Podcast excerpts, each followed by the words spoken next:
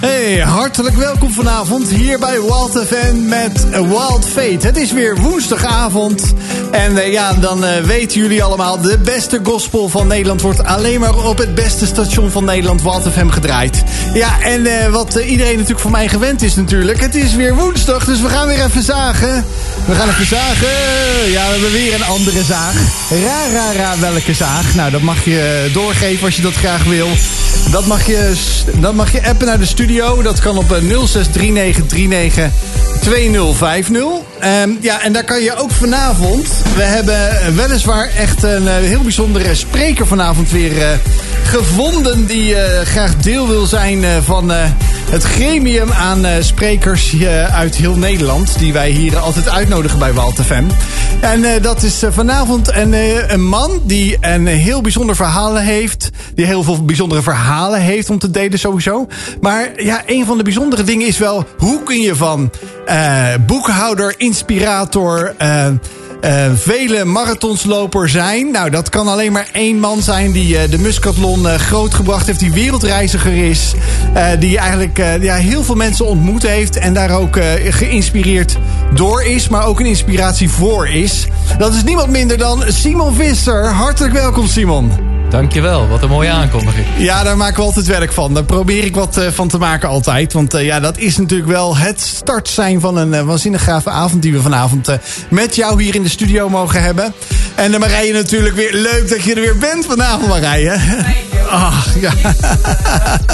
ja, die introductie, ik ga, ook, ik ga jou ook weer eens een keer in het zonnetje zetten. Dat is die verrassingscadeautjes die ik graag af en toe uitdeel. Dat weet je toch wel, hè? Ja, ja, ja. ja, precies, precies. Ja. Nou ja, wij hebben vanavond weer een uh, hele bijzondere avond uh, uh, die we ingaan. En een van die dingen is, is ja, als vaste luisteraar van, van Walt FM en Walt Fate weet je natuurlijk dat we heel graag prijzen weggeven. Nou ja, wij hebben in het afgelopen jaar een, een mooi nachtje weg kunnen geven in het Gouden Hert in, in Midden-Limburg. er is natuurlijk hier een waanzinnig gave prijs uitgegaan voor de vaste Walt luisteraars naar Curaçao afgelopen zaterdag. Nou, er was een winnares die, die een hele bijzondere reis heeft gekregen. Ja, maar wij geven hier eigenlijk ook van alles weg. Ja, en een van die dingen was dat we... Eh, vorige week hadden we Nathalie Boy hier in onze uitzending. En die had uh, drie cd's die ze graag wilde delen... met daarin hele mooie plaatkaarten... Maar ja, ik weet niet of het gebeurd is of dat ik het te weinig heb geroepen. Maar die kan je gewoon nog steeds uh, ja, krijgen. Dus ik zou zeggen, uh, zet dat eventjes op de socials. Of e-mail dat of uh, WhatsApp het even naar de studio. 0639392050. Of op de socials van Walt FM. Dat je graag die cd wil hebben van, van Nathalie Boy. Want dan gaan we die naar je toesturen. Maar wij hebben vanavond het anders bedacht samen met Simon in de voorbereiding. Wij zeiden... Wij gaan, wij mogen dit bijzondere boek met uh, verhalen uh, van Simon Visser uh, vast beraden, mogen wij weggeven. Of eigenlijk aan de prijswinnaar weg gaan geven. En die prijsvraag die komt ook op onze socials te staan van Walt FM, Walt Foundation. en daarin is de vraag, als ik het goed heb naar Marije. Nee, dat is een andere vraag. Maar misschien kun jij het zeggen welke vraag? Nou, Prijsvraag. Het is zelfs nog simpeler. Wat? Um, nou, ja? Verhaal is namelijk dat we bijvoorbeeld stories kun je um, aangeven als je zegt van ik wil het boek vastberaden van Simon winnen. Dan kun je dus je naam intypen en dan maak je kans. Dus dat is eigenlijk heel simpel. Oké, okay. nou dat is uh, bijna simpeler kan het niet gemaakt worden. Ik uh, zeg uh, win, win de, of ga ervoor, ga naar de socials en ja, met de story. Ja, vul je naam in en uh, wij gaan onder de mensen die mee hebben gedaan... dit uh, boek uh, naar diegene toesturen die het uiteindelijk gaat winnen. Maar ja, we zijn aan het vast onderdeel gekomen van, van onze uitzending. En dat is dat we altijd een rondje doen met de vraag van deze week. waar ben je nou blij van geworden? Waar ben je dankbaar voor geweest? Nou ja, en ik zei al tegen Simon in de voorbereidingen... ja, dat kan heel eenvoudig zijn, dat kan ook heel complex zijn... maar Simon, wees niet ongerust. We laten eerst Marije, vrouwen, vrouwen eerst.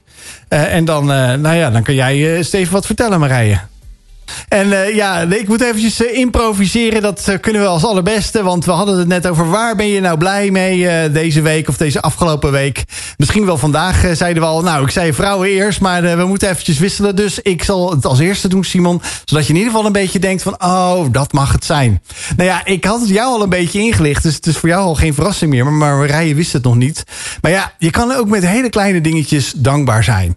Nou, en de winkels waren natuurlijk weer een beetje open gegaan. En uh, ik ben iemand die echt mijn schoenen, niet mijn hardloopschoenen zoals jij waarschijnlijk, want die verslijt jij waarschijnlijk misschien nog veel meer. Maar ik loop ook die, mijn normale schoenen loop ik echt op.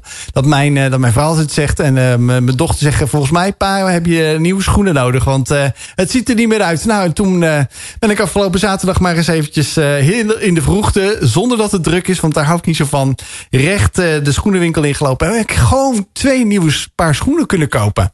Dus ik ben daar echt zo blij mee dat dat zo kan. Dat, A, we kunnen weer, maar dat los van het moeten kopen. Het is bijzonder eigenlijk dat het gewoon ook kan hier. Nou, daar ben ik gewoon hartstikke blij mee. Maar uh, ik ben ook heel benieuwd naar jouw uh, punt van, van dankbaarheid uh, afgelopen week. Of misschien vandaag wel, Simon.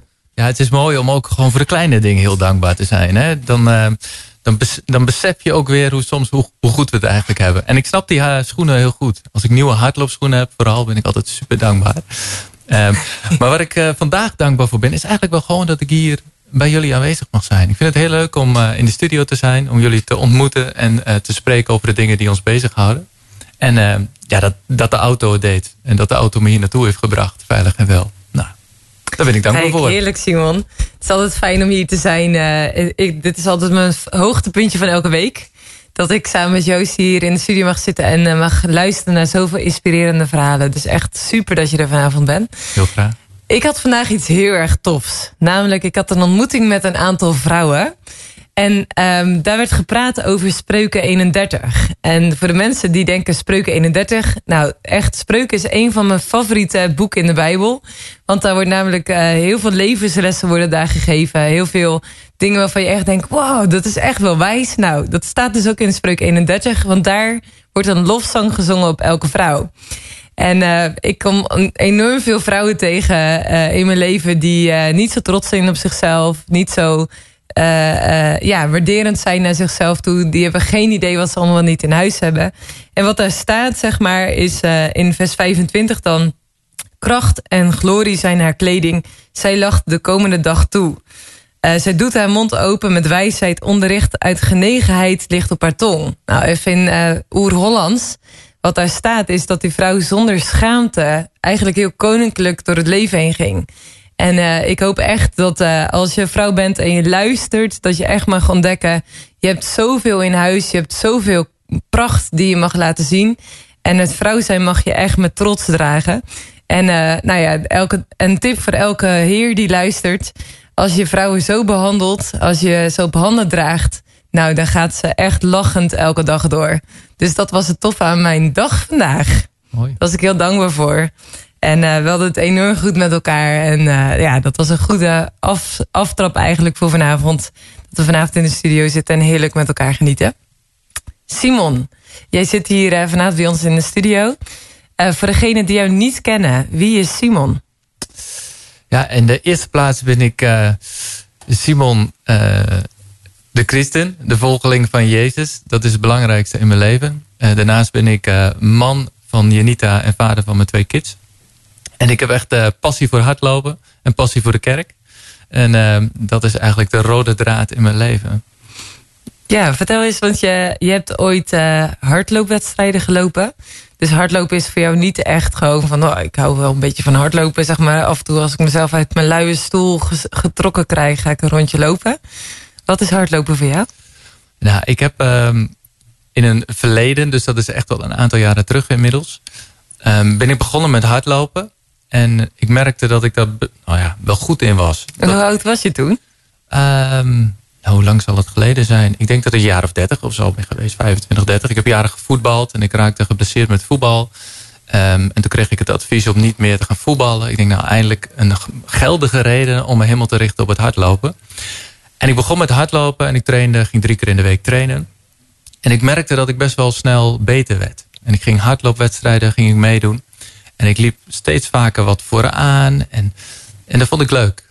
Daar genoot ik van. Gaf het je echt zo'n kick? Of wat, uh, ja, wat maakt mensen zagen mij. Mensen begonnen aan te moedigen en te klappen. En toen dacht ik, als ik nou niet drie keer in de week ga trainen... maar ik ga vier keer in de week trainen... dan word ik misschien nog wel iets beter. En wat was je favoriete afstand? Um, het begon met de 10 kilometer... maar later werd het toch echt wel de halve marathon. Zo. En hoe snel liep je hem dan? Uh, de halve 1.13 volgens mij. Zo, Jimmy. Joost. Op je nieuwe schoenen lekker hard rennen. maar goed, ik, ik, ik, werd dus, ik werd dus nou, met vier keer trainen werd ik nog beter. Toen dacht ik, ik ga vijf keer trainen. word ik nog beter. En, en zo werd het hardlopen steeds belangrijker voor mij.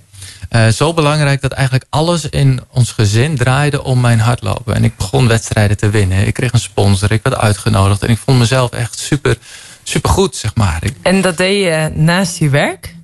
Dat deed ik gewoon naast mijn werk. Ja. En wat voor werk deed je dan? Gewoon, uh, ik uh, werkte in de accountancy. Zo, dus ja. ook nog echt een pittige baan daarnaast. Ja, en hardlopen was echt mijn uitlaatklep. Maar het werd ook wel het belangrijkste in mijn leven. Eigenlijk, zonder dat ik dat zelf door had. En wanneer was het moment dat je echt merkte, oeh. Nou, ik raakte van het ene op het andere moment geblesseerd. Dus ik ging eigenlijk van elke dag heel fanatiek trainen. En alles draaiend om het hardlopen naar nul. Ik kon geen meter mee hardlopen. Ik had een shinsplint een blessure. Dat? dat? is een scheenbeenvliesontsteking. Oh, die heb ik ook een keer gehad. Ja, dit is pijnlijk. heel zeer. En elke keer probeerde ik het weer, maar dan kon ik weer strompelen naar huis. Want dan werkte het gewoon niet. En ik weet nog dat ik op een, uh, op een middag uh, was ik aan het hardlopen op de dijk uh, langs de IJssel in Kampen waar ik woon. En moest ik weer gaan wandelen. Um, en toen was het alsof God rechtstreeks tot me sprak en zei: Simon, voor wie, wie is het nou? Wie, wie staat er op nummer 1 in jouw leven? En voor mij als christen zou het juiste antwoord zijn: dat bent u, God. Maar ik besefte dat dat niet zo was. Dat hardlopen echt het allerbelangrijkste was in mijn leven. En ik besloot vanaf dat moment um, alleen nog hardlopen tot eer van God. Dus elke kilometer die ik wil hardlopen, zou ik tot eer van hem doen. En hoe ik dat precies zou doen, wist ik toen nog niet. Want uh, toen werkte ik nog niet waar ik nu werk. En toen deed ik gewoon ook echt ander werk. Um, maar vanaf dat moment kon ik wel weer uh, rustig beginnen met hardlopen. Toen begon ik mijn trainingen weer op te pakken, maar veel minder fanatiek. Hm. Veel minder vaak. Um, dus dat had een hele, hele andere beleving, zeg maar, in het ja. hardlopen. En uh, wat, bet wat betekent het voor jou, zeg maar, dat je zegt: oké, okay, uh, als christen zou het goede antwoord zijn dat ik God op de eerste pla plaats heb? Wat mm. is dat? Wat betekent dat, dat als je God op de eerste plaats hebt staan voor je leven? Nou, ik denk in de basis dat je, um, s ochtends als je wakker wordt, dat je beseft um, dat God aanwezig is in je leven en dat je een nieuwe dag van Hem ontvangt. Um, en dat je op die manier eigenlijk al leeft tot de eer van Hem. Ik denk dat dat uh, het belangrijkste is als je God op de eerste plek hebt staan. Het besef van God in je leven. En bij mij was het in die tijd daarvoor... Tuurlijk wist ik dat er God in mijn leven was. Maar als ik opstond was het eerste waar ik aan dacht... denk ik het hardlopen. Oh ja. Welke training heb ik vandaag? Wat is de volgende wedstrijd? Hoe is het met mijn conditie? Heb ik goed geslapen? Niet. Oh, dan, uh, dat is niet goed. Mm. Dus het, het was wel echt een transformatie in je leven... toen je op die dijk liep langs de IJssel uh, in de buurt van Kampen, dat je zelf realiseerde, ja heer, ik wil alleen nog maar voor u lopen. Ja, zeker. Maar op, op dat moment zelf had ik dat nog niet zo, zo door. Mm -hmm. Ik besefte wel van, hé, hey, dat is niet goed gegaan de afgelopen jaren in mijn leven. Dat moet echt anders, ga ik vanaf nu af aan ook doen. Maar wat de consequenties van die keuze zouden zijn, dat wist ik toen nog niet.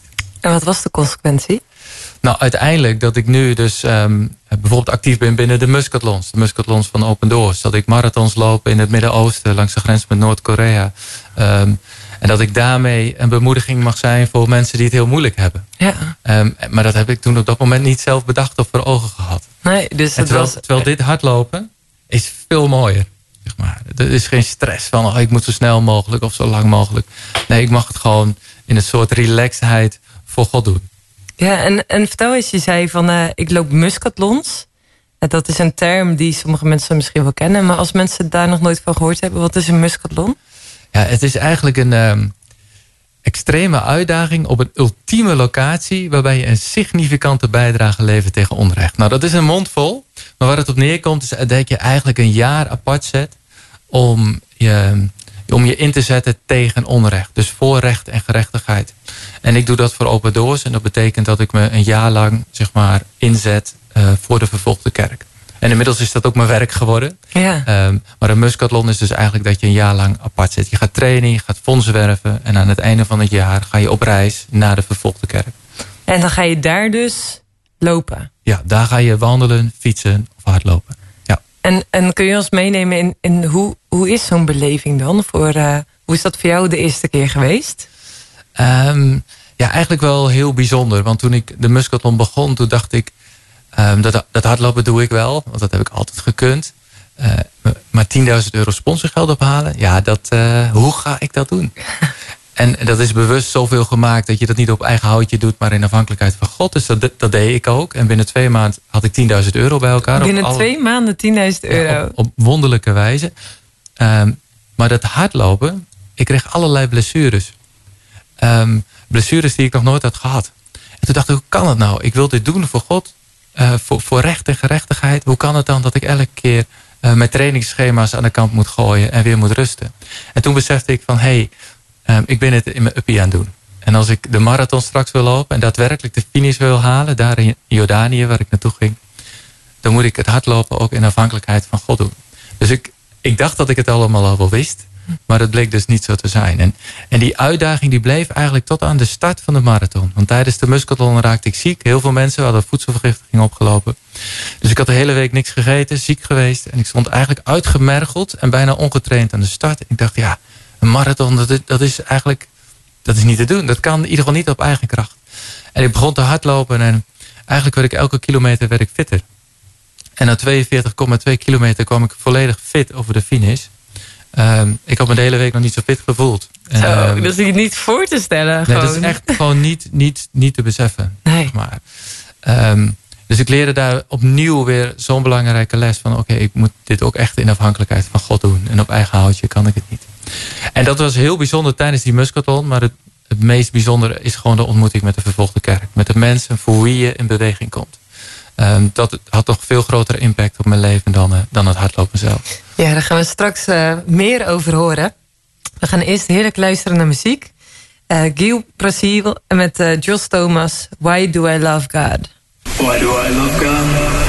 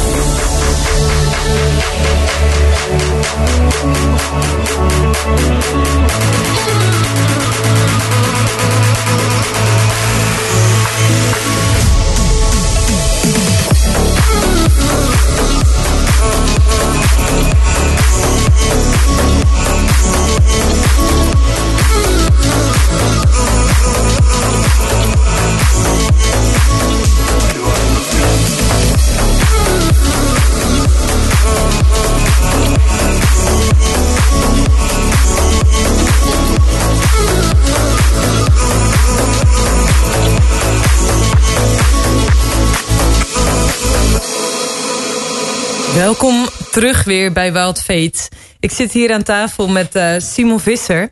En Simon vertelde over zijn passie voor hardlopen. Maar sterker nog, hoe dat zijn leven eigenlijk veranderde... toen hij zich realiseerde van... ik wil niet het hardlopen als allerbelangrijkste in mijn leven hebben... maar God. En als ik dan ga hardlopen, dan wil ik dat dan ook van hem doen.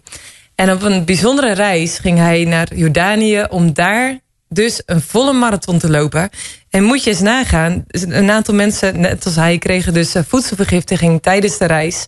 En dus helemaal gewoon brak, na een paar dagen ziek zijn, begon hij dus aan de marathon. En hij vertelde net dat hoe langer dat hij liep, hoe fitter dat hij zich voelde. Totdat hij de eindstreep haalde en zich gewoon topfit voelde.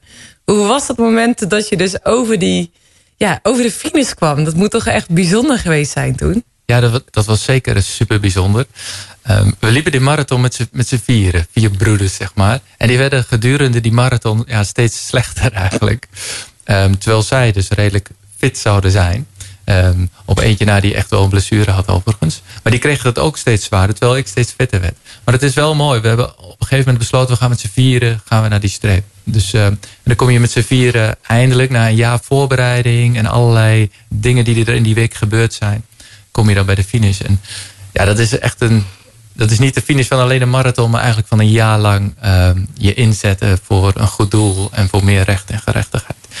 En uh, ik weet nog dat ik over de finish kwam en dat ik een broodje at. En dat, dat viel ook gewoon goed. Terwijl je de hele week bijna niks gegeten had. En, en ik voelde me ook fit. Dus ja, ik had wel het net over dankbaarheid. Nou, dat was echt een uh, euforisch moment van uh, dankbaarheid. Ja, onvergetelijk moment. Ja, echt wel. En waarvoor liepen jullie eigenlijk in Jordanië? Waarom was Jordanië de plek dat jullie gingen hardlopen? Nou, we gingen naar Jordanië met eigenlijk de blik wel op het Midden-Oosten. In die tijd waren er heel veel vluchtelingen uit Irak en Syrië... die naar Libanon vluchten of naar Jordanië. En in Jordanië hadden we ook ontmoetingen met, met die mensen, die christenen... die gevlucht waren. En uh, nou, ik vertelde net al dat dat nog veel meer impact op mij had... Um, als de marathon zelf. Kun je wat vertellen wat, wat zo impactvol was? Um, ja, ik weet nog hoe we op woensdagochtend in die week gingen we op pad met, uh, met een groep mensen. We zouden in mijn beleving, in onze beleving, vier, vijf christenen uit Irak ontmoeten. En we reden weg bij het hotel en we kwamen aan op het adres. En er stonden twee mensen voor een klein kerkje. Er waren twee collega's van mij. En uh, zij heten ons welkom en nodigden ons uit om naar binnen te gaan in de kerk. En uh, ik stapte die kerk binnen en tot mijn verrassing zat die kerk voor driekwart gevuld met allemaal christenen uit vooral Irak en ook een aantal uit Syrië. En uh, ik zocht een plekje en ik schudde wat handjes, vriendelijke knikjes. Toen kon je nog gewoon handen schudden. Dat kan, tegenwoordig is dat wat gevoeliger. Um, en er begon een kerkdienst. En die kerkdienst was volledig in het Arabisch. Nou, ik weet niet of, of jij Arabisch spreekt. Maar... Ik denk niet dat ik ver zou komen, nee. Nee, nou, ik ook niet. Ik versta eigenlijk geen hout van. Um, het enige wat ik een beetje begrijp is jalla jalla. Dat is dat je moet opschieten. um, maar die kerkdienst begon en alles was in het Arabisch. Maar um, het was heel bijzonder. Ik, ik begreep gewoon, ik voelde gewoon zeg maar, de boodschap. Die mensen begonnen te zingen en te bidden met zoveel passie en met zoveel emotie. En ik, ik voelde gewoon wat er gezegd en wat er gebeden werd. Het was heel bijzonder. En ik zat daar en toen dacht ik, ja, dit zijn... En, en, en zo zeggen we dat als christen natuurlijk vaak. Dit zijn familie. We zijn broers en zussen. En dat besef kwam toen echt heel diep bij me binnen. Dat ik denk, ja, dit, het is niet zo dat dit een los kerkje is in Jordanië met vluchtelingen. En dat wij in Nederland een apart kerkje zijn. Maar we zijn gewoon één kerk. We horen bij elkaar. En die dienst was afgelopen en ik liep naar buiten met uh, een groepje um, christenen uit Irak. Een tweetal vrouwen. En die vrouwen die waren zo ontzettend blij dat wij er waren. Ik had nog niks gedaan. Nog niks tegen ze gezegd eigenlijk. Maar het feit dat we vanuit Nederland op het, op het vliegtuig waren gestapt... en naar Jordanië waren om er alleen maar te zijn. Dat was zo'n bemoediging voor hen. En ze wilden heel graag, ze wilden heel graag hun verhaal met ons delen. Maar aan de, de herinneringen, alle haat en geweld wat ze meegemaakt... kon er eigenlijk gewoon geen woord meer uit. Ze waren helemaal overmand met emoties. Er kwamen alleen nog maar tranen uit. En daarom nam een van die mannen die nam het woord, Ahmad. En Ahmad die vertelde hoe hij eigenlijk best een goed leven had in Irak. Hij had een huis, hij had landerijen, hij had een goede baan, familieleden. Totdat IS zijn stad binnenviel. En toen werd hij voor de keuze gesteld. Of je bekeert je tot de islam. Of je betaalt een torenhoge belasting. Of je bent hier binnen 24 uur weg. En als, je, en als je dat niet doet, dan brengen we je om door het zwaard. Dus Ahmad, die had de keus. Of ik blijf bij mij, bij mijn huis en in een gebied waar ik altijd heb gewoond. en ik uh, zweer mijn geloof in Jezus af. Want dat was dan de consequentie. Of ik laat alles achter uh, en ik vlucht weg en ik blijf trouw aan mijn geloof. En deze Ahmad die, was, die, was dus, die is dus trouw gebleven aan zijn geloof in Jezus. En ik keek hem aan en ik dacht, hoe, hoe kan dat? En hoe zou dat voor mij zijn? Hoe zou het zijn als ik vandaag de dag te horen krijg dat ik binnen 24 uur weg moet uit mijn huis. Samen met mijn vrouw, met mijn twee kleine kinderen. Alles achter mij moet laten. Zonder dat ik weet waar ik naartoe moet. Ja, dat kan ik niet. Ik denk er nog heel vaak aan. Maar ik kan er gewoon niet voorstellen hoe dat moet zijn. Kun je je voorstellen wat, je dan, wat voor keuze dat je dan gemaakt zou hebben? Nee, ik, eigenlijk kun je dat niet zeggen. Ik hoop dat op het moment dat ik voor zo'n keuze kom... dat God me ook de kracht geeft om de juiste keuze te maken. En ik, ik, ik zit niet snel zonder woorden, maar ik keek die Ahmad aan en denk, wat, wat moet ik zeggen? En ik, ik durfde eigenlijk de vraag niet te stellen, maar ik deed het toch. En ik wil, Ahmad, maar hoe is het dan nu met je geloof? Want ook nu leefde hij in een vluchtelingenkamp in Jordanië. Ontzettend moeilijke omstandigheden. En hij zei, ja, mijn geloof is alles. Jezus is voor mij veel belangrijker dan alles wat ik heb achtergelaten in Irak. Jezus is het waard om voor te leven en ook voor te sterven. En ik leerde daar zo'n ja, belangrijke les. Opnieuw in afhankelijkheid. Hoe je, hoe je dus in afhankelijkheid van God leeft. En hoe je ook gewoon vastberaden blijft in je geloof. Ja, en dat had zo'n impact. Ik werk natuurlijk bij Open Doors. Dus voor die reis had ik ook al vaak eh, verhalen gehoord. Verhalen gelezen. En dat, dat heeft me al vaak geraakt, zeg maar. Maar op het moment dat ik daar was. Dus ook op de plek waar het gebeurt. Ja, ik was gewoon echt eigenlijk gewoon uit het lood geslagen. Door wat ik daar meemaakte. En ik weet nog dat ik terugging en ik zat in het vliegtuig. Ik denk, ja, dit, dit moet ik niet voor mezelf houden. Dit, dit moet ik delen als ik terug ben in Nederland. Wat, wat hier gaande is. Wat er gebeurt met christenen op andere plekken in deze wereld. Het is denk ik ook voor iedereen die meeluistert. Een verhaal waarvan je echt denkt? Serieus? Eh, dit zijn toch al lang voorbij, zeg maar. Dat, dat dit soort dingen in de wereld gebeuren. Gebeurt het veel? Ja, het gebeurt heel veel. We hebben toevallig vorige week is de nieuwe ranglijst christenvervolging gelanceerd gepubliceerd. Dat doen we elk jaar vanuit Open Doors. Uh, christenvervolging is opnieuw gestegen. Wat betekent dat er meer dan 360 miljoen christenen zijn die vervolgd worden. 360 miljoen? Dat is echt in, gewoon enorm veel. En dat zijn hele abstracte getallen. Dat je denkt, van, ja, daar heb je geen beeld bij. daarom vind ik het ook belangrijk om juist die verhalen te vertellen. Zoals van Ahmad. Want dan wordt het persoonlijker. En dan kunnen we er iets bij voorstellen. Ook al kunnen we denk ik vanuit hier in ons vrije Nederland... voor veel Nederlands is het gewoon niet te beseffen wat je, wat je doormaakt. Die Ahmad vertelde bijvoorbeeld ook dat de mensen met wie die gevlucht waren... dat er een aantal hun schoenen moesten inleveren bij checkpoints... om op blote voeten verder te vluchten. En dat zijn van die details uit zo'n verhaal wat je hoort... wat, je, wat eigenlijk niet... Ja, het is gewoon niet voor te stellen. Ja, dus ze hadden een goed leven... maar werden tot echt tot aan hun schoenen berooid... Uh, aan hun lot overgelaten eigenlijk. Ja, ja alle, van alles ervoor over te hebben om om trouw te blijven naar je geloof. Ja, ik word er gewoon helemaal een beetje stil van. Dat je zelf echt denkt... Uh, hoe kun je nou in iets geloven dat je zoveel mag kosten? Je huis, je landerijen, wat je vertelde. En gewoon de plek waar je altijd woonde, je vrienden. Dat je alles achter moet laten omdat je je geloof zo belangrijk vindt. Waarom is dat geloof zo belangrijk dan? Ja, ik denk dat voor, bijvoorbeeld voor, voor een Ahmad en voor heel veel christenen... Um, is het juist het toekomstperspectief, zeg maar, wat iemand voor ogen heeft. Dat er ooit een moment komt dat er een einde is aan alle ellende op deze wereld. En dat je door je geloof in Jezus onderdeel bent van een, van een eeuwig leven, zeg maar. Met, met Jezus. Um, en dat is zoveel mooier en beter dan alles wat je hier op aarde kunt bezitten. En dat is heel groot, zeg maar. Ja, ja maar, dat vond ik ook zo mooi aan Ahmad. Dat op het moment dat hij zeg maar, zijn verhaal vertelde... Um, zag ik echt pijn in zijn ogen, verdriet. Dat hij echt een soort donkerheid in zijn ogen. Maar toen ik hem die vraag vertelde over Jezus... toen kreeg hij gewoon een twinkeling in zijn ogen. Begon hij te stralen en te getuigen van zijn geloof. En dat is zo sterk, zeg maar. Dat, dat, ja, daar kun je, kun je bijna niet bij. Mm. Zeg maar, ik wil er straks meer over horen. We gaan eerst heerlijk luisteren naar muziek. Everyone has periods in life when things are not going right. What once was a dream come true now ends up like a fight. When everything seems to fall apart and your loved ones break your heart. Just put your trust in Christ, cause He will make it alright.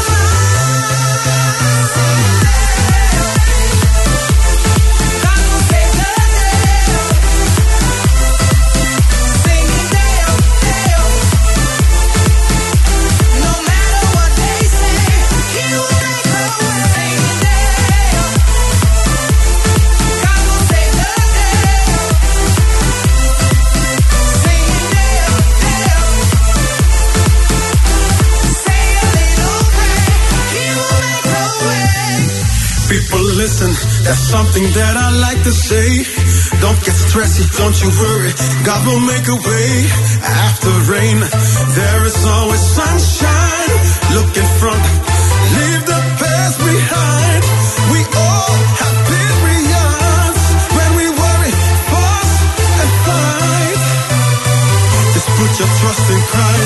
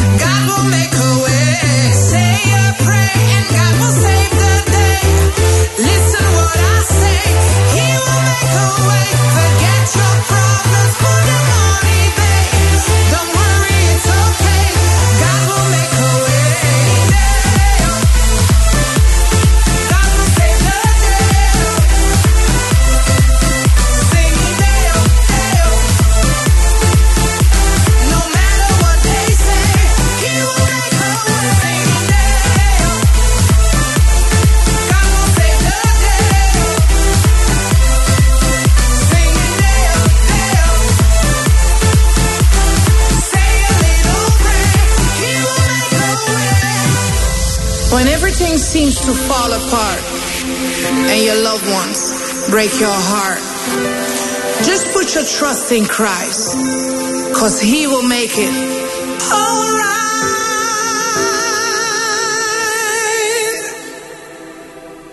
Welkom terug weer bij Wild Fate op Wild FM.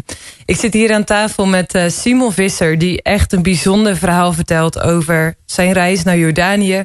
en een ontmoeting die hij had met een man, Ahmad... die echt huis en haard verlaten had... omdat hij zei tegen de IS van... nou ja, ik wil mijn geloof niet eh, eh, achterlaten, zeg maar. Ik wil christen blijven, ik wil Jezus blijven volgen.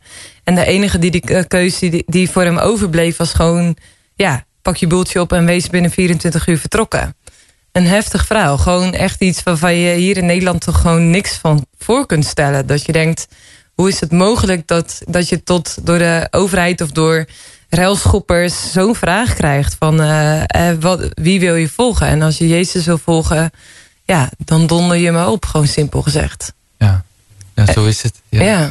En bijzonder hoe je dan ook deelt over dat Ahmad, toen hij vertelde over het pijn en het lijden, dat hij gewoon echt, dat je de pijn ook zag in zijn ogen. En het moment dat hij vertelde over zijn geloof, dat zijn ogen gingen stralen, zeg maar, dat er hoop in klonk. Ja. Hoe kon hij zo'n hoop hebben als hij zo'n benarde levenssituatie had?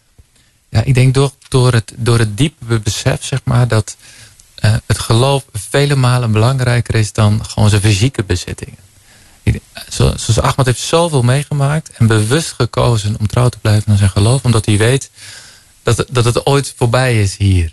Dus als, dat hij ooit ehm, een eeuwig leven ontvangt, omdat hij trouw blijft aan zijn geloof. En dat is zo groot. Dus dat kunnen we als simpele mensen ook denk ik niet bevatten. Nou, laat ik het over mezelf hebben. Als simpel mens kun je het gewoon niet helemaal bevatten hoe dat, hoe dat zal zijn. Ehm, en, en natuurlijk als je de Bijbel leest, wordt er heel veel gesproken. Ook over vervolging. Eh, Het Nieuwe Testament is voor 70% denk ik geschreven door vervolgde christenen en aan vervolgde christenen. En als je dat zo leest, als ik het zo lees, zeg maar, vanuit het vrije Nederland, dan denk je, oh ja, ja dat is wel heftig. Maar, eh, maar als je het echt aan de lijve ondervindt, dat gaat zoveel malen dieper. Ja. Het Nieuwe Testament is natuurlijk, eh, voor de mensen die zeggen het Nieuwe Testament, is het, tweede gedeelte van de Bijbel. Waarin het evangelie opgetekend staat. En de evangelie is eh, letterlijk gezegd de goede boodschap, het goede nieuws. Over het, eh, ja, daar staat alles opgetekend over het leven wat Jezus hier leeft op aarde. En daarna zijn er heel veel eh, boeken geschreven, ook door apostelen. Die dus ook in vervolging leefden. Kun je daar eens een vrouw uit, uit noemen, zeg maar, van een, van een apostel of van iemand die naar Jezus leefde, die zegt van, die leefde in vervolging. En hoe zag dat eruit? Ja, ik vind het wel heel boeiend in de Bijbel dat eh, de Heer Jezus zegt in het evangelie van Johannes, ze hebben mij vervolgd, dus zullen ze ook jullie vervolgen. Dat zegt hij tegen zijn leerlingen, de mensen die geloven in Jezus. En als je dan een klein stukje verder bladert in de Bijbel, dan blader je het boek Handelingen in. En inderdaad zie je in Handelingen al dat die woorden die Jezus spreekt, dat die daar al in de praktijk zichtbaar worden. De eerste christen die vervolgd wordt in de Bijbel is Stefanus. En Stefanus is echt een, man van God. Die niet bang is om zijn geloof uh, te delen. Juist in de tijd waarin hij leefde in Jeruzalem was het heel gevaarlijk om christen te zijn. Het kon zomaar zijn dat je in, uh, in quarantaine werd gedrukt. En dat bedoel ik niet een thuisquarantaine zoals wij die kennen. Maar dat je echt in de gevangenis werd gezet. Zodat je het evangelie niet meer kon delen. En die Stefanus die had er dus voor kunnen kiezen om gewoon zijn mond te houden. Om gewoon maar te denken van nou, ik doe even een stapje terug.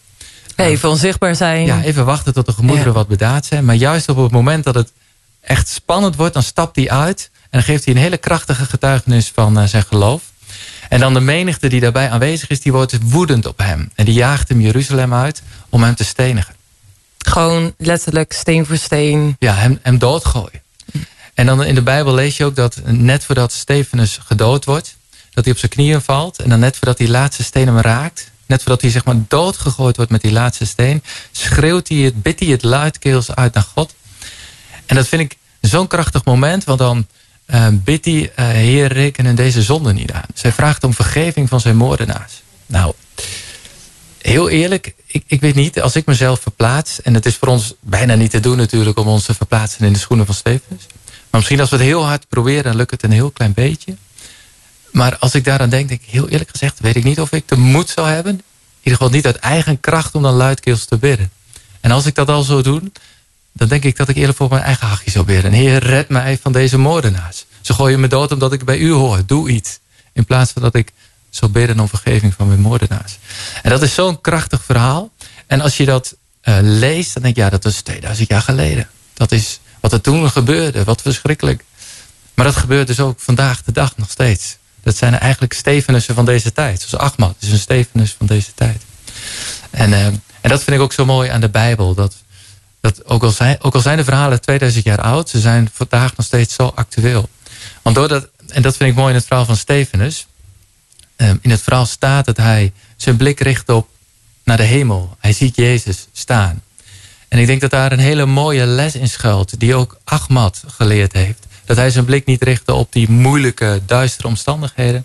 Maar dat hij zijn blik richtte op Jezus, net zoals Stefanus. En dat hij daardoor gewoon staande blijft in zijn geloof. Want dat bleef Stefanus ook. Ja, bijzonder hoe je die, die, die, verhalen koppelt. Van die duizenden jaren terug. Zo eigenlijk realistisch vandaag de dag. Zo concreet. Ja.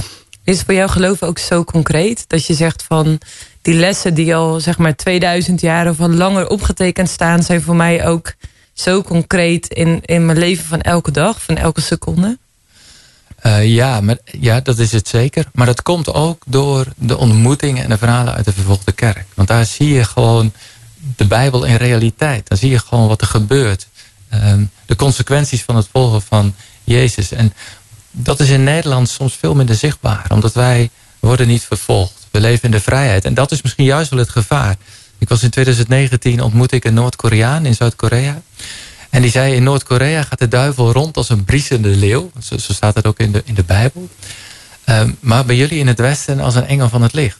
En toen dacht ik, ja, hij slaat wel de spijker op zijn kop. Hm. Ja, voor de mensen die luisteren, die denken, hè, wat, wat, wat bedoelt Simon nou? Er staan in de, in de Bijbel verschillende omschrijvingen van hoe dat je het, het kwaad, de duivel, kunt omschrijven. Ja. En dat kan dus zijn als een briesende leeuw. Dus echt zichtbaar aanwezig, gewoon tastbaar.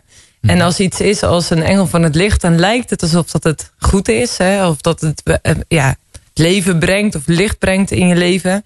Um, maar het kan dan ook iets zijn wat eigenlijk heel erg misleidend kan zijn.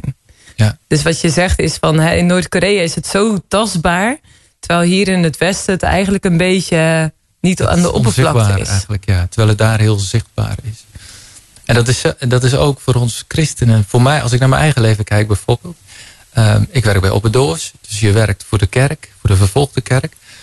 Um, maar er is ook een risico dat je soms zo druk kunt zijn voor God... dat je vergeet om druk te zijn met God.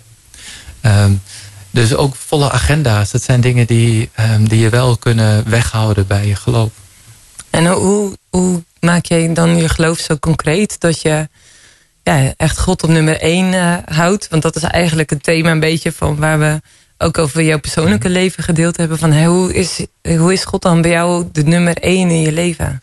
Nou, heel praktisch. Ik zet elke ochtend om zes uur mijn wekker. Um, om te beginnen met, uh, om te, met, met gebed, te bidden en Bijbel te lezen. Um, doordat ik dat doe, um, begin ik de dag echt met God. En ook een stukje bewustwording van hem in mijn leven. En dat vraagt wel om een offer, want dat is niet altijd makkelijk, zeg maar. Ik ben wel een ochtendmens. Iedereen die geen ochtendmens is, die denkt echt, uh, zes uur wekker. Nou, ik merk dat, ik heb, ik heb het in het begin ook wel eens geprobeerd om dat s'avonds te doen. Maar s'avonds ben ik echt moe. Als ik naar bed ga en als ik dan nog moet bijbelezen, dan, dat werkt voor mij gewoon niet. En voor een ander misschien wel, hè. dit is niet zo, zo moet het. Maar voor mij werkt het gewoon om dat te doen. En ik, ik ben een hardloper, ik ga veel hardlopen. En, en dat is ook, ook, een vorm van stille tijd voor mij. Luister ik naar muziek, heb ik tijd van gebed of luister ik naar een podcast. En, en, wie is, en binnenkort ook naar Wild FM. Ah, kijk, goed zo. en wie is God dan voor jou? Wat is de essentie van jouw geloof in God? Het belangrijkste is, hij is mijn maker, hij is mijn schepper. Uh, en Jezus heeft zijn leven gegeven voor, voor mijn redding. En dat is de essentie van mijn geloof. Dat ik, doordat hij dat heeft gedaan voor mij, uh, mag ik uitzien naar een eeuwig leven. En dat maakt het leven hier op aarde niet altijd makkelijk en eenvoudig. Maar doordat ik dat weet en me daarop focus, helpt het me wel door, ook door de moeilijke omstandigheden hier in Nederland heen. Want ook wij hebben geen, we hebben geen vervolging, maar er is ellende genoeg, ook in Nederland. Ja, ik denk dat iedereen het wel herkent, denk ik. Dat je leven niet altijd meezit of niet altijd gaat zoals dat je graag zou willen. En je nee, zegt van, ik denk juist in de tijd als nu. We hebben zoveel beperkingen. En vooral in deze corona, twee jaar inmiddels al. En daar hebben mensen gewoon last van. Daar heb ik ook last van. En uh, nou, daar helpt, helpt de vervolgde kerk mij wel bij. Want ze hebben hun hele leven al te maken met beperkingen. Um, maar tegelijkertijd is het ook goed om, om daar doorheen en overheen te kijken. En ju juist te focussen, focussen op de mogelijkheden. Ja, en voor jou helpt het dus ook heel erg als je weet... Het gaat niet alleen maar om het perspectief wat ik nu hier op aarde heb. Gewoon in mijn leven, in mijn werk, in mijn huis. Maar eigenlijk ook verder te kijken. Dus dat, dat jouw geloof in God ook een eeuwigheidsperspectief geeft. Dat, dat na dit leven er nog heel veel eeuwigheid is. Ja, en dat is, dat is heel lang. Ja. ja. ja. Het stukje, ik heb wel eens gehoord, hè, dat stukje wat we hier op aarde hebben, is eigenlijk uh, maar een fractie van, van het perspectief als je ziet van je hebt een leven tot een eeuwigheid. Het is echt fantastisch uh, mooi. Ja. We zeggen nu van ik wil meer van Simons verhalen lezen. Ik wil meer van hem weten. Ik wil gewoon ja, gewoon ontdekken. Hoe zit het dan met die vervolgde kerk? Hoe, wat voor verhalen zijn er dan van mensen? Dan kun je dus het boek van uh, Simon kun je winnen. Kun je gewoon gratis krijgen. Thuisgestuurd en al. En dan kun je gaan naar de socials van Wildefem. Ga naar de Instagram of de Facebook en kijk in de story. Want daar kun je namelijk je naam invullen. Als je zegt van ik wil dit boek ontvangen. En wellicht komt hij bij jou thuis op de mat. Mocht je degene zijn die die prijs natuurlijk wint... dan krijg je een berichtje van ons voor je adresgegevens. Dus doe mee. De nummer 1 voor hits. De nummer 1. Wild Hit Radio. Dit is Wild Faith met Joost en Marije. Hoopvolle radio in de Randstad. Steun ons werk. Kijk voor meer informatie op wildfoundation.nl.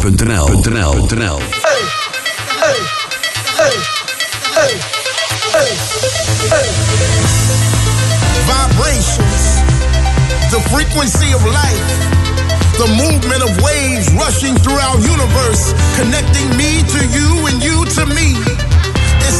It's electric, it's magnetic, it shakes the very core to our souls. Vibrations can move mountains. Vibrations can turn a single thought into a possibility, and that possibility into a reality. Come with me, children, to that.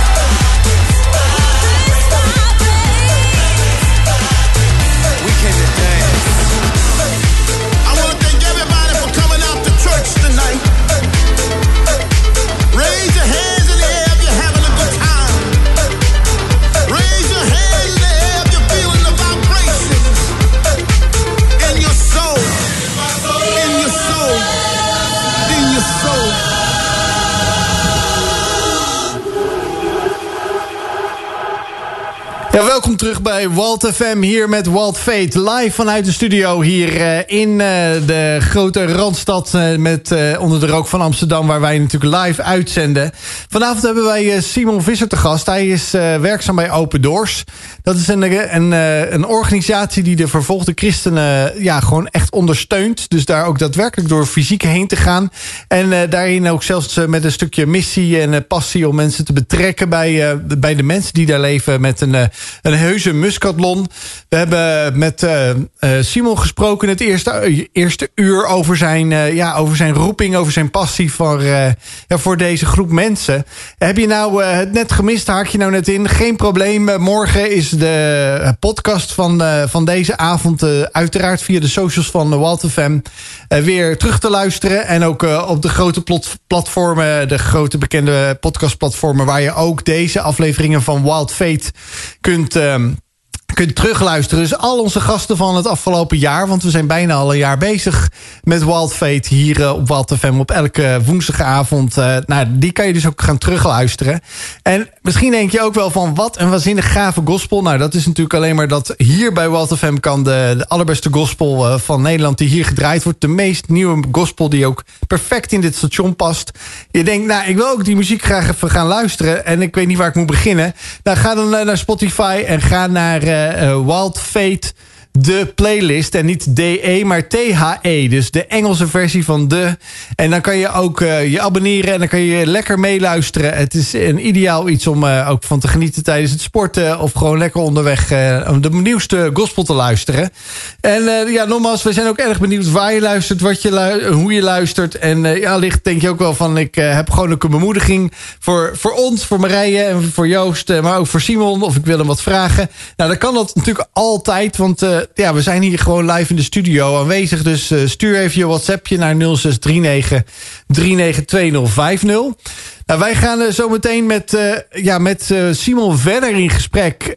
diep, de diepte meer in, bijna zouden we zeggen. Want we gaan het hebben over, over recht. Nou ja, en gerechtigheid. Nou, misschien denk je ook wel van... wow, weer zo die rechten en die rechtvaardigheid. Maar uiteindelijk is dat een thema wat veel terugkomt.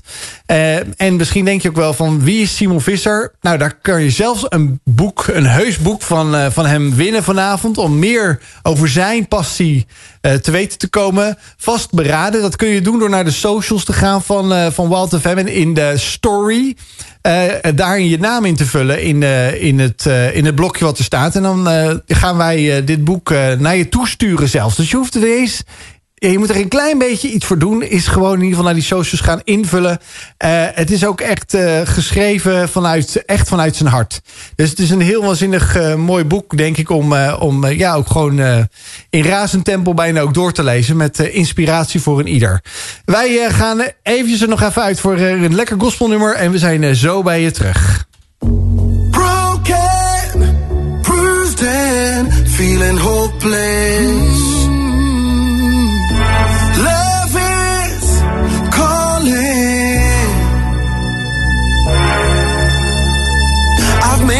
Perfect decision. I'm gonna live, live. So many pressures on my mind, but I'm dancing through the night. No more questions, no more proof. Now I know this is love.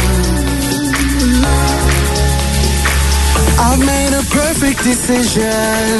I'm gonna live, live. I'm gonna live. this life, live this life.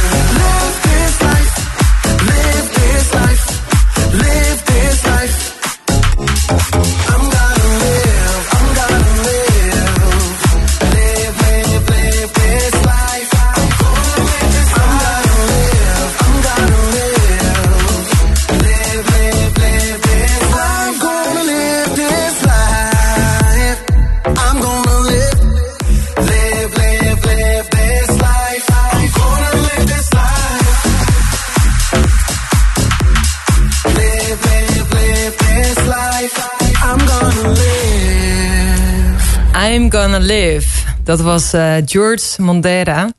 En echt heerlijke muziek om even lekker op mee te swingen. En eh, weer lekker in te tunen bij dit interview.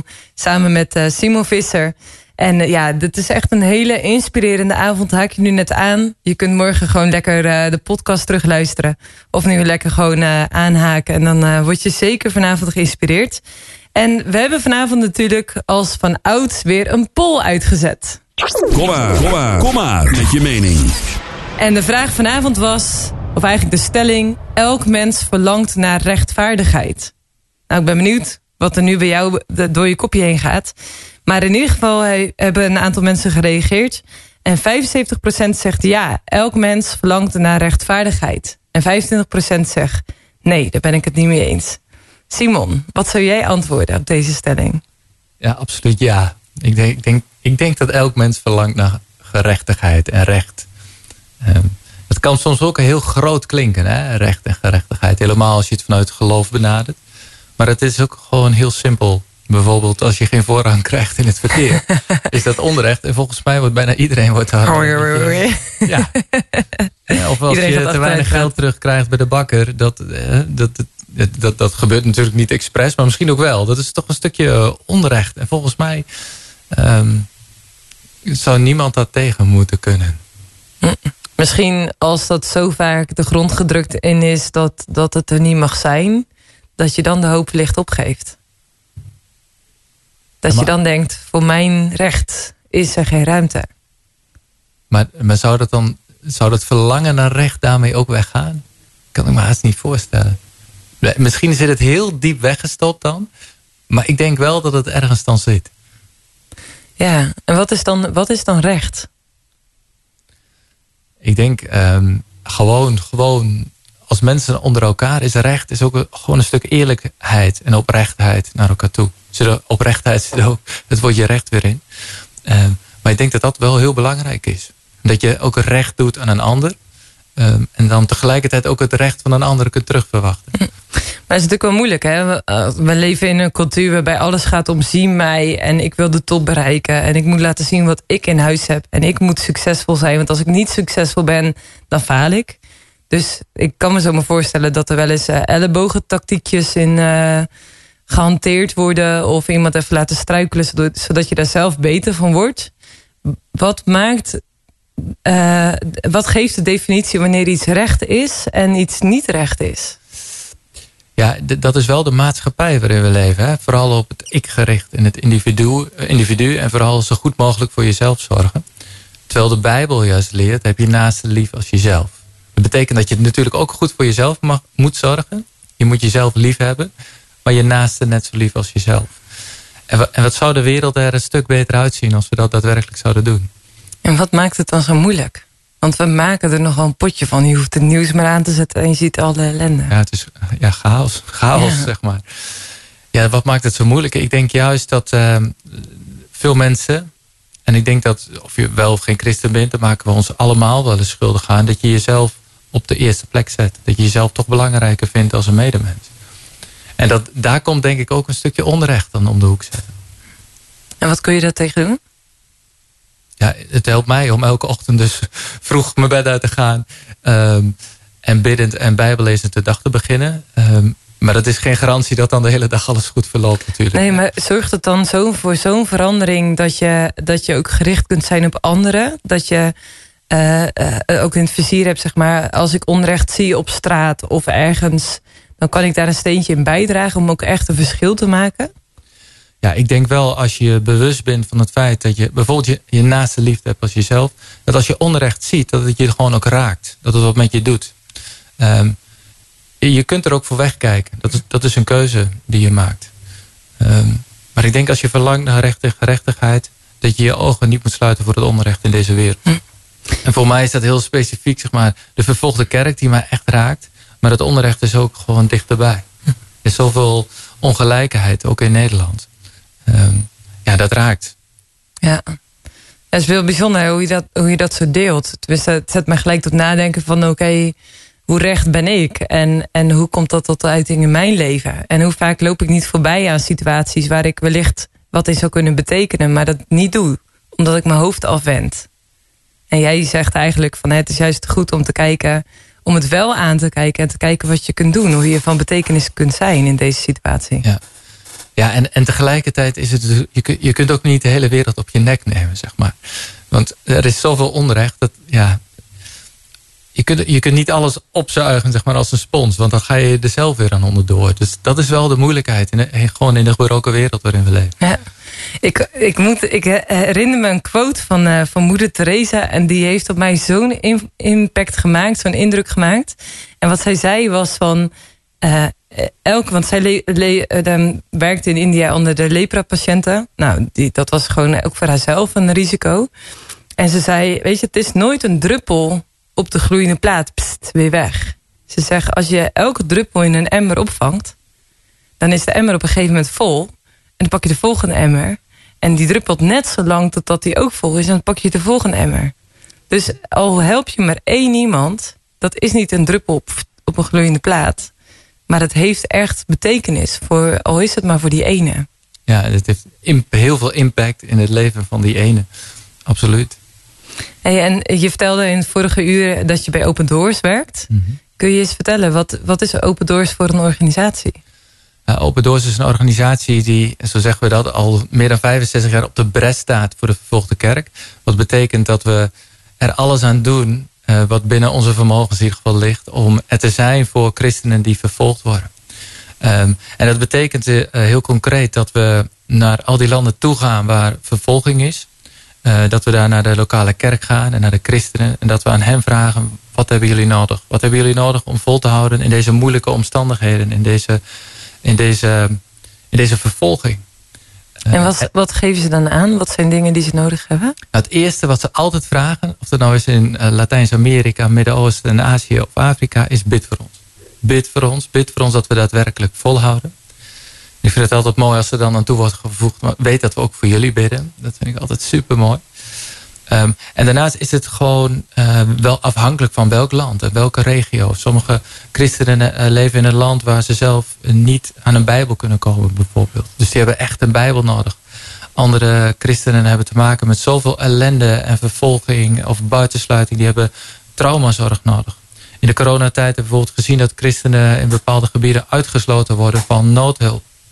Um, en die brengen dan bijvoorbeeld uh, een pakket met noodhulp of een zak rijst. Zodat ze gewoon praktisch uh, hetgeen krijgen wat ze nodig hebben. En dan is het wel, vind ik heel mooi om dan terug te krijgen uh, van christenen die we helpen. Van, ja, die zak rijst hebben we nodig om fysiek te overleven, het voedsel. Maar elke zak rijst die gebracht wordt is ook, ook een teken van hoop. Een teken van, hé, hey, we zijn niet vergeten. We zijn daadwerkelijk wereldwijd één kerk. En er zijn christenen in onder andere Nederland die ons niet vergeten zijn. Dus dat is heel praktisch wat Open Doors eigenlijk doet.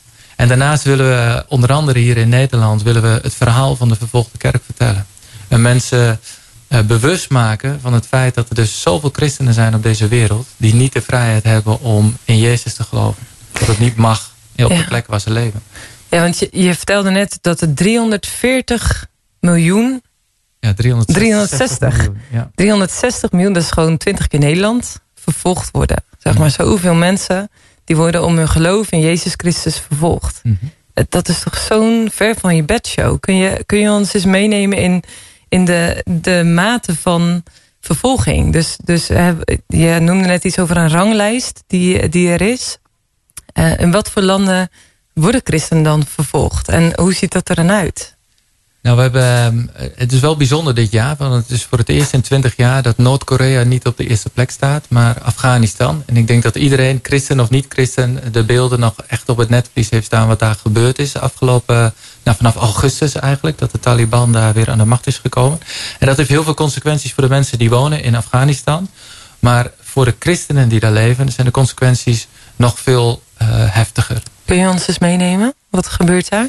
Je, bijvoorbeeld, ehm, je mag daar gewoon niet in Jezus geloven. De sharia is daar weer ehm, in het leven geroepen. Dus dat betekent dat je gewoon, ja, je mag gewoon geen christen zijn. Dus dat is in Afghanistan. Ehm, en dat is in, in Noord-Korea is dat ook het geval. Dan mag je gewoon geen christen zijn. Als je gepakt wordt als christen, dan word je naar een strafkamp gestuurd. En we kennen allemaal de verhalen eh, van de concentratiekampen uit de Tweede Wereldoorlog. Hier Ja, dat, eh, je hoopt dat dat verleden tijd is geweest, zeg maar. Dat ja, dat, dat, gewoon... dat klinkt ook voor veel mensen. Ah, dat is heel, heel lang geleden en dat moeten we. Niemand wil dat terug. Maar het is gewoon actueel in Noord-Korea. Er zitten gewoon meer dan 50.000 christenen in een strafkamp.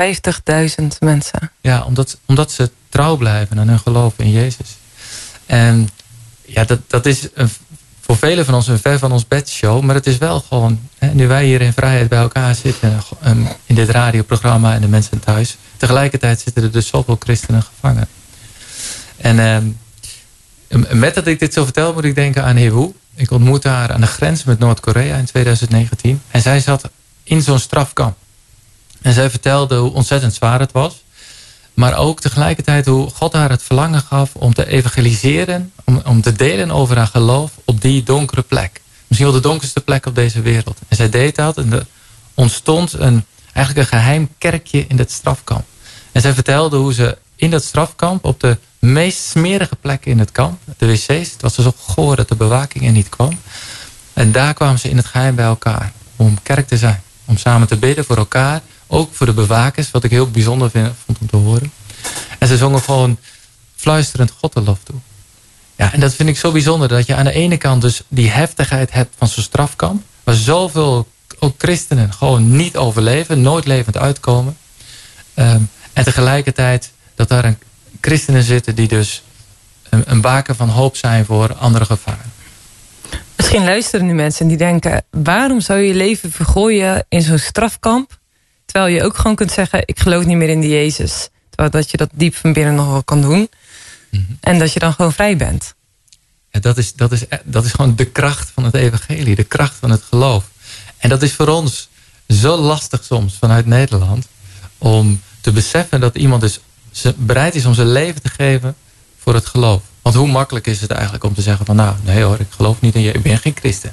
En vervolgens door te gaan met wat je altijd, altijd doet. Maar, die, maar, maar zoals de christenen in Noord-Korea, die zeggen gewoon ja, ik- ben christen. Met alle gevolgen van die. Ja, daar is bijna niet bij te komen. Er gaat zoveel kracht vanuit. En tegelijkertijd zijn er ook verhalen van dat, dat, de christenen in de gevangenis zitten en dat ze gewoon eruit worden gestuurd omdat ze alle gevangenen tot geloof brengen. Je, dat, daar gaat zoveel kracht vanuit. Of bewakers die tot geloof komen. Ehm, dus, ja, dat is, dat, is, gewoon bijzonder. Ja. Er is in de Bijbel ook een heel bijzonder verhaal. Dat Paulus eh, volgens mij met een eh, jonge man genaamd Silas eh, in de gevangenis zat. En dat ze gingen bidden en dat gewoon die gevangenisdeuren losbraken. Ja. En dat ze vervolgens gewoon eh, weg konden gaan als ze dat zouden willen, zeg maar. Dat zijn echt van die verhalen waarvan je echt denkt van... Ja, hoe is het mogelijk, zeg maar. Dat, dat is toch gewoon echt onvoorstelbaar.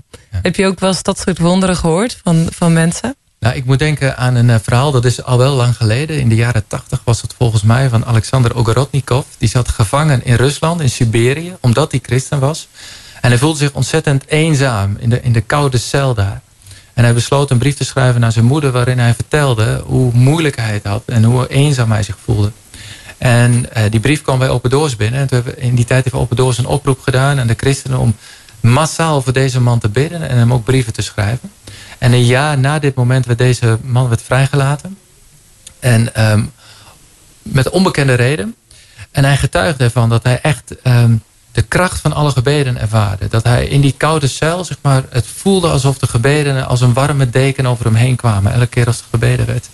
En dat is natuurlijk enorm bemoedigend voor al die mensen die voor hem hebben gebeden. En dat, gaat, dat getuigt ook van de kracht van gebed. Ja, ja en, en dan is gebed natuurlijk altijd zoiets bizars. Gewoon, uh, we hebben het er wel eens eerder over gehad in een uitzending. En ik weet nog dat Joost een keer uitlegde... ja, uh, uh, bidden is gewoon praten met God. Gewoon je hart met hem delen. Alsof dat hij gewoon naast je zit of tegenover je zit. Of, of waar dan ook. Maar dat je gewoon echt je hart mag delen met hem. Maar dat je ook mag bidden voor de mensen naar wie je hart uitgaat. Gewoon mensen waar je zorgen om maakt. Of mensen die veel voor je betekenen. Of in dit geval mensen die helemaal aan de andere kant van de wereld leven. En die het moeilijk hebben. En dat zij dus gewoon dat ervaren van... hé, hey, ik, ik zit hier dus niet alleen. Ook al zit ik in een ijskoude cel. Mm hey, ik voel dat echt gewoon eh, als een warme deken om me heen... dat de mensen vanuit waar ook ter wereld dus aan mij denken en voor me bidden. Mm ja, dat is, dat is gewoon super bijzonder. En, uh, en soms kun je zelf tegengehouden worden door... Eh, bijvoorbeeld, ik stond aan de grens met Noord-Korea, ook met Syrië... en ik kon niet naar binnen. Dus het is zo'n zwaar bewaakte grens.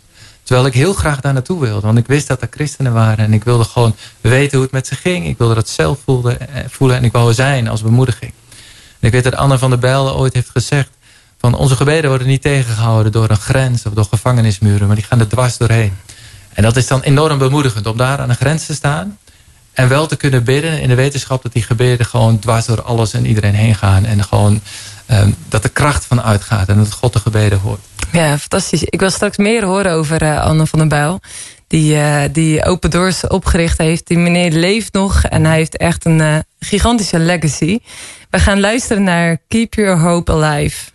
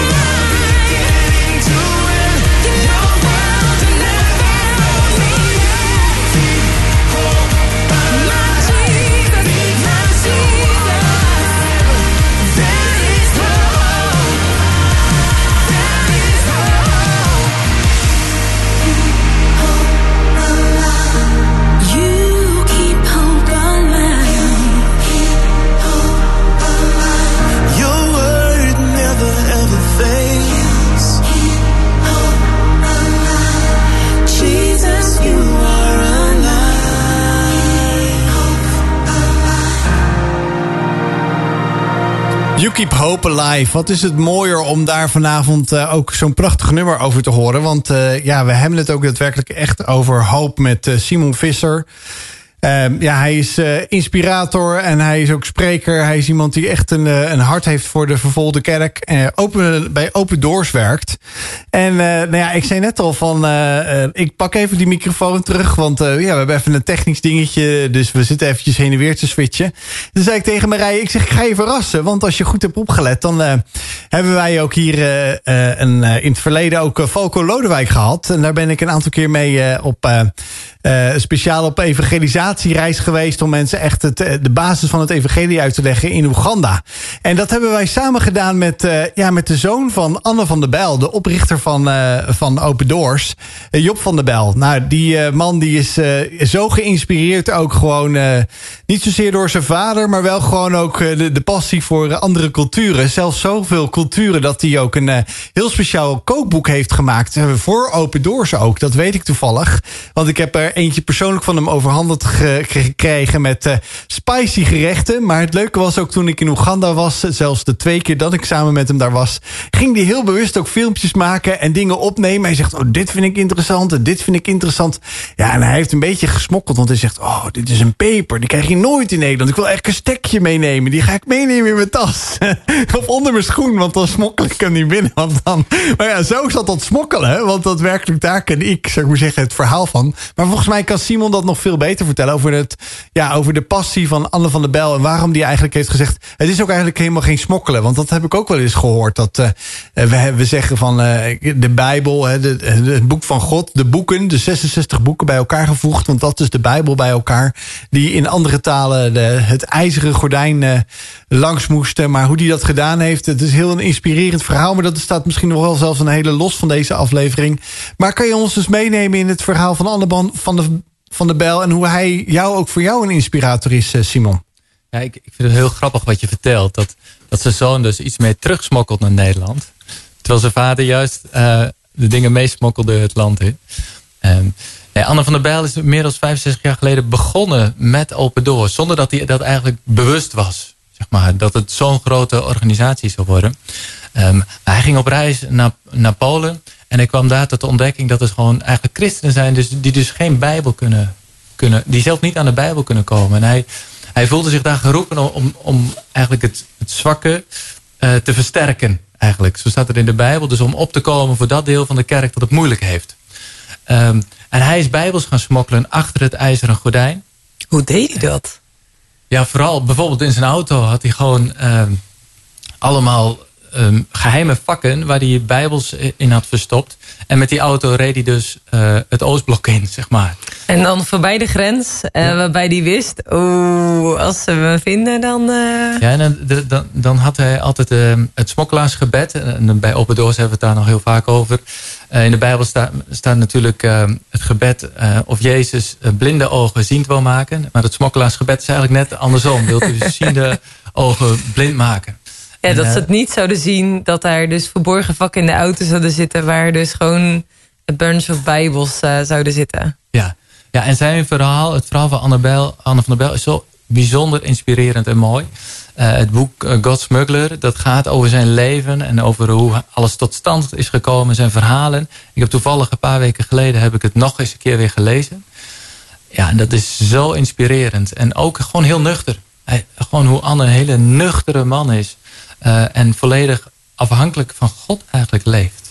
Dus als mensen zeggen van nou, ik wil daar gewoon meer over weten. Serieus, hoe doe je dat gewoon over een, ja, echt een, een grens die volledig gesloten is. Waar je gewoon geen Bijbels een land in mag krijgen omdat het communistisch was. Uh, dat hij dat deed. Dus ja, als je, dat, als je gewoon denkt van hey, hoe was hij zo'n bizar moedige man eigenlijk. Dan moet je dat boek dus bestellen. Is het nog verkrijgbaar? Ja, zeker is het uh, verkrijgbaar. Zeer, ook zeer de, zeer de moeite waard om het te lezen. Smuggler uh, van Anne van den Bijl. Ja, ja en ik, ik weet nog dat ik bij hem... Want als je bij Open Doors uh, kwam, komt werken... dan um, ga je bij Anne op de koffie. En uh, dat is voor mij dus al heel wat jaren geleden. Maar ik weet ook nog dat we over hebben... wat zou je nou anders hebben willen doen? Zeg maar, in al die jaren Open Doors... en al die jaren voor de vervolgde kerk. Um, toen zei ik wou dat ik radicaler was geweest. Terwijl ik naar die verhalen luister en zijn boeken lees. Dan denk ik, nou, wow, nog radicaler. Maar dat zegt iets over zijn passie. Zijn passie voor God en zijn passie voor de kerk. En dat is, eh, ja, dat is bijzonder inspirerend. Dus die man had zoveel verlangen om het evangelie, de goede boodschap, de bijbels, zijn geloof in God gewoon over heel de wereld te brengen. Wat begon naar het Oostblok, dat werd uiteindelijk heel de wereld eigenlijk. Ja, heel de wereld. En, eh, en dat zegt Anne, en zo is het ook. Elke christen heeft gewoon het recht op een bijbel. En zo simpel is het. Maar het, zo simpel is het in heel veel landen dus niet. Ja. En wat, wat maakt voor jou ook de Bijbel het lezen waard? Ehm, ja, de Bijbel is, is voor christenen het levende woord van God, zeggen we wel eens. Hè? Dus eh, het woord dat spreekt. Ja, en daar wil je als christen gewoon toegang tot hebben. Dat is zo'n belangrijk onderdeel van je geloofsleven. Ja, omdat da- dat ook het boek is waar God dus in spreekt? Of, of wat, leer je dan, wat lees je dan in de Bijbel? Eh, ja, het, zi- het zijn de woorden van God.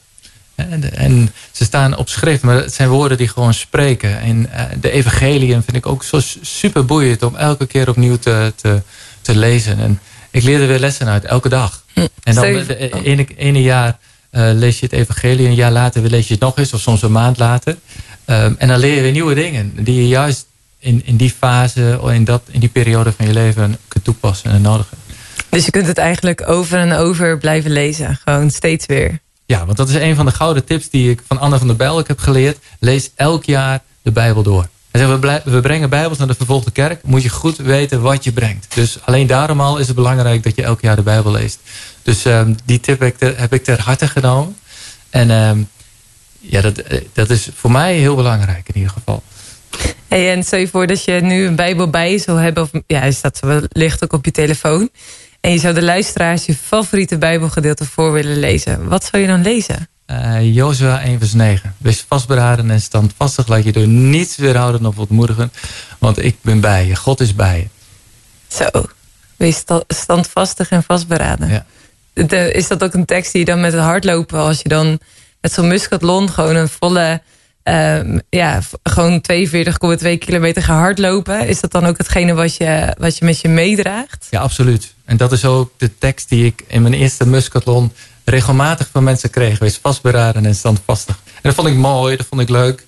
Eh, maar pas tijdens die marathon dacht ik, oh ja, dit is, dit is waarom. En, eh, en Ja, voor de men- mensen die het eerste uur niet gehoord hebben... maar eh, Simon had een voedselvergiftiging... en die was totaal brak toen hij aan die uh, begon... Dus ik kan me voorstellen dat die woorden wees standvastig en vastberaden en moedig, dat dat wel goede woorden waren om je vast te houden, zeg maar, toen. Ja, absoluut. En, ze- en ze werden waarheid ook. Dus, dus nou ja, extra mooi voor mij. Ervaar je toen dat God ook met je meeging? Ja, want ehm, menselijk gezien is, is zoiets niet mogelijk. Je loopt geen marathon zonder als je bijna niet bent voorbereid en ziek bent. Dat, dat, dat kan niet. En elke arts in Nederland zou ik zeggen, je moet helemaal niet beginnen. Ehm, en als je dan eigenlijk beter aan de finish komt. Ja, dat kan, ik kan ook niet anders daardoor dan God de eer geven. En dat, dat vind ik met alles wat ik doe. Ehm, dat is ook gewoon als ik een trainingsrondje maak in Nederland. Ja, zonder God dan d- kan ik geen stap lopen. Want hij geeft mij het zuurstof in mijn longen. Hij geeft mij gezonde benen. Ehm, dus ja, ik kan alleen maar God de eer geven daar, daarvoor. Ja, mooi. Nou, we gaan straks gaan we nog in gesprekken over eh, ook wel de, de, de, de ingewikkeldheid. Dat, dat wat je ziet in het buitenland en de erbarmelijke omstandigheden van mensen. En hoe je dat thuis ook verkropt, ook binnen je eigen gezin. In je leven hier in Nederland. We gaan eerst luisteren naar muziek. I'm waking up and open my curtains. Feel the sun shining on my face. My soul awakes and I know for sure that I am set for a brand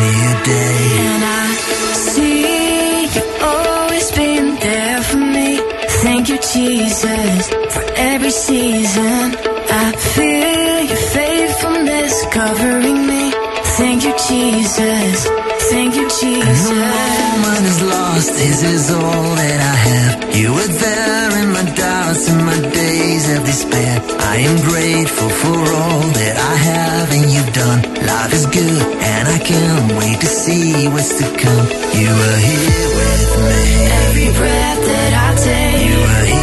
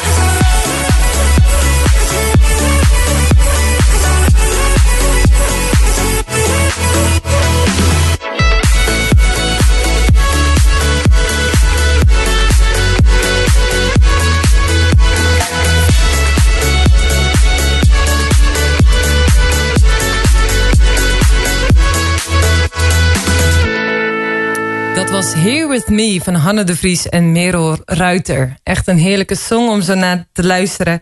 Zo laat op de woensdagavond of op de zondagavond als je de herhaling terug hoort.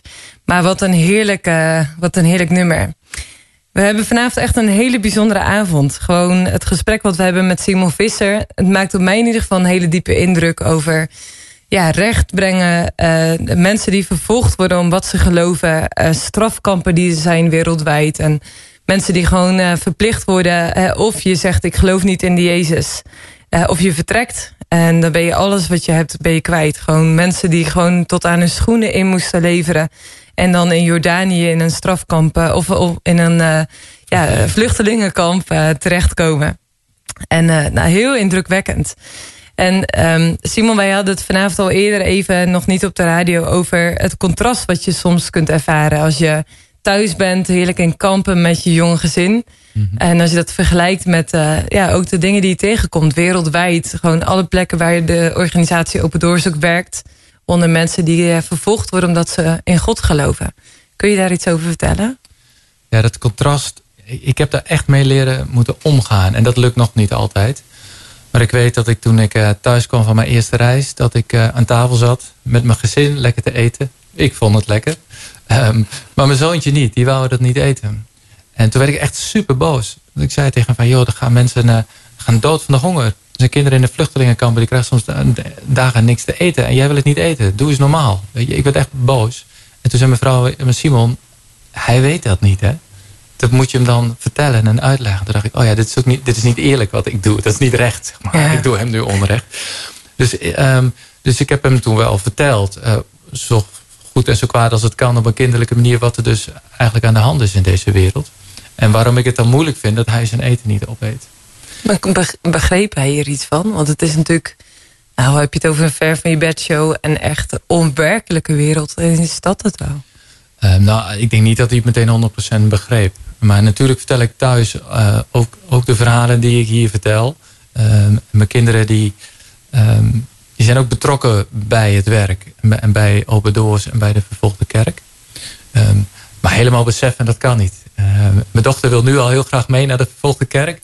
En die is nu Hoe oud is ze? Ze is nu 12, dus dan Nou moet ze nog echt even wachten. Maar ik vind het wel belangrijk dat ze dat gaan zien. Maar Heeft het ook mee te maken dat je zei... eh, de kerk, dus mensen die in God geloven, christenen... dat is niet van, oké, je hebt hier een kerk in Nederland... en wij hebben heel veel verschillende denominaties, verschillende kleurtjes. Ehm, maar ook als je naar het buitenland gaat, dan is eigenlijk...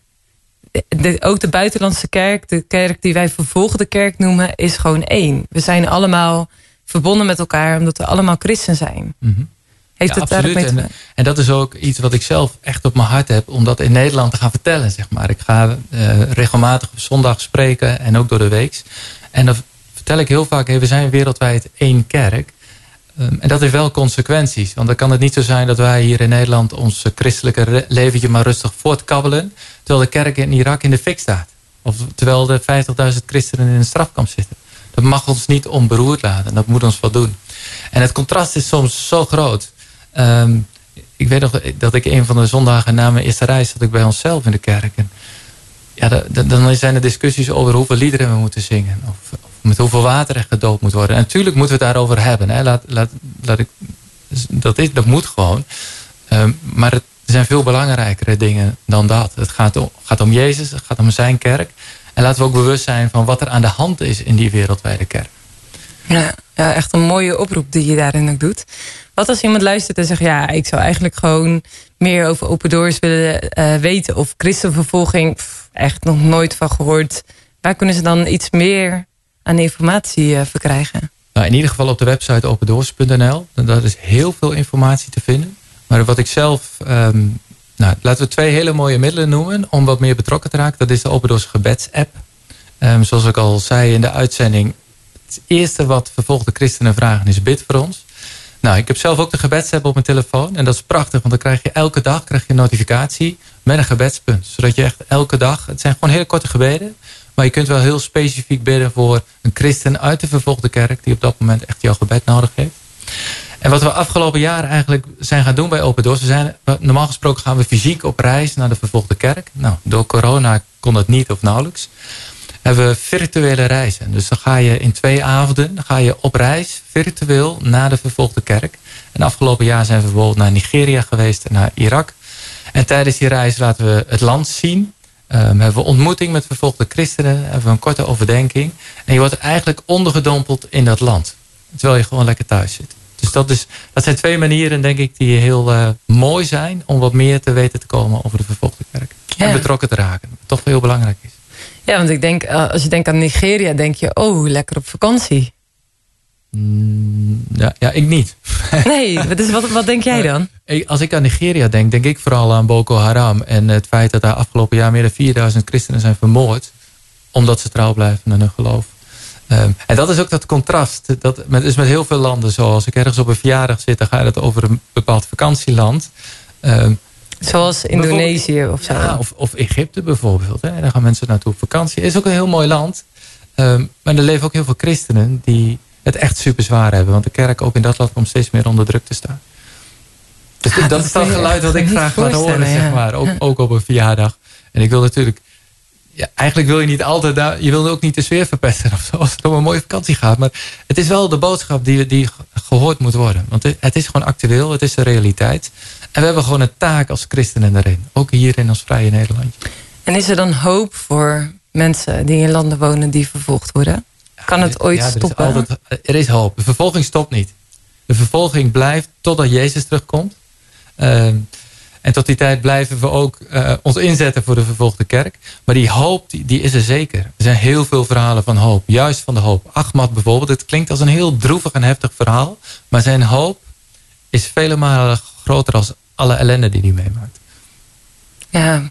Hey, en, en ken je dan ook verhalen van mensen die zeggen van... Ah, nou, die, nou, die zijn ergens vrijgekomen uit een eh, strafkamp of ergens... en die dan zeggen, ja, maar eigenlijk wil ik gewoon weer terug naar mijn land... om daar mensen te vertellen over wie God is. Er zijn best veel verhalen van. Bijvoorbeeld van Noord-Koreanen die eh, hun land uitvluchten.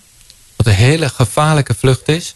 En dat ze eindelijk Noord-Korea uit zijn. En dan bijvoorbeeld in een van de buurlanden tot geloof komen in Jezus. En dan beseffen, hé, hey, maar er zijn zoveel mensen in Noord-Korea... die Jezus nog niet kennen. En juist zij hebben dat zo hard nodig. De blijde boodschap ehm, van de Bijbel.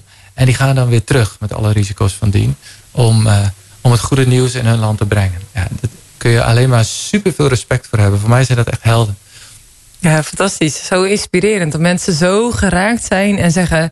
ja, ik ga terug. Ook al ga ik een land in waarvan iedereen zegt... ja, serieus, je kunt een veel beter leven op aarde ergens anders krijgen. Maar ze kiezen er toch voor om terug te gaan.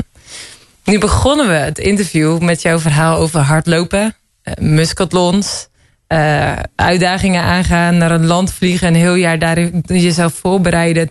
10.000 euro sponsorgeld krijgen voor een toffe organisatie. Wat als mensen zeggen van ja, dat, ik, daar zou ik aan mee willen doen. Waar kunnen ze dan terecht? Waar kunnen ze dan meer informatie vinden? Nou, op opendoors.nl slash muskatlon. Daar is veel meer informatie te vinden over de muskatlons. Eh, dit jaar gaan we bijvoorbeeld in september gaan we naar eh, Zuid-Korea. En in oktober gaan we naar Kenia. En die inschrijving is nog open. Eh, normaal gesproken zou die al dicht zitten. Maar nu in verband met corona zijn die reizen uitgesteld. En is het nu nog de kans om mee te gaan. En dat worden echt prachtige reizen. Kijk, dat eh, klinkt heel erg eh, aantrekkelijk bijna. Maar je moet er natuurlijk wel wat voor doen natuurlijk, hè? En in ieder geval goede schoenen kopen. Ja, ja, daar hadden we, hadden we een mooi rondje maken we zo. eh Simon, een hele goede binnenkopper. Ja, want als je het nou niet gewist hebt, dan zou ik zeggen, eh, ga die podcast eh, luisteren. Of wie weet, heb je tijd om zondagavond tussen 8 en 10 naar Wild Fate te luisteren. Dan hoor je deze avond nog een keer terug. Helemaal met ja, het inspirerende verhaal wat, wat Simon vanavond met ons gedeeld heeft. Ja, en krijg je nou nog geen genoeg van, van Simon? Of denk je van, ik heb dat boek nog niet eh, gehoord hoe ik dat kan winnen? Nou, dat was eigenlijk door naar de socials te, te gaan van Wild FM, de Wild Foundation. En daar in de story eh, je naam eventjes in te vullen. Want onder de mensen die daaraan meedoen, eh, daar eh, gaan wij dit, eh, dit eh, boek aan, eh, aan eh, geven. Want dat is een cadeau wat eh, Simon vanavond voor ons mee heeft genomen. Maar ja, misschien denk je ook wel van, eh, ja, je, je hebt eh, mooie verhalen verteld. Ik wil er meer over horen. Nou, dan kan je ook naar eh, twr.nl slash podcast gaan. Eh, want daar kun je namelijk eh, een podcastserie die, eh, die eh, Simon heeft opgenomen voor, eh, eh, voor TWR.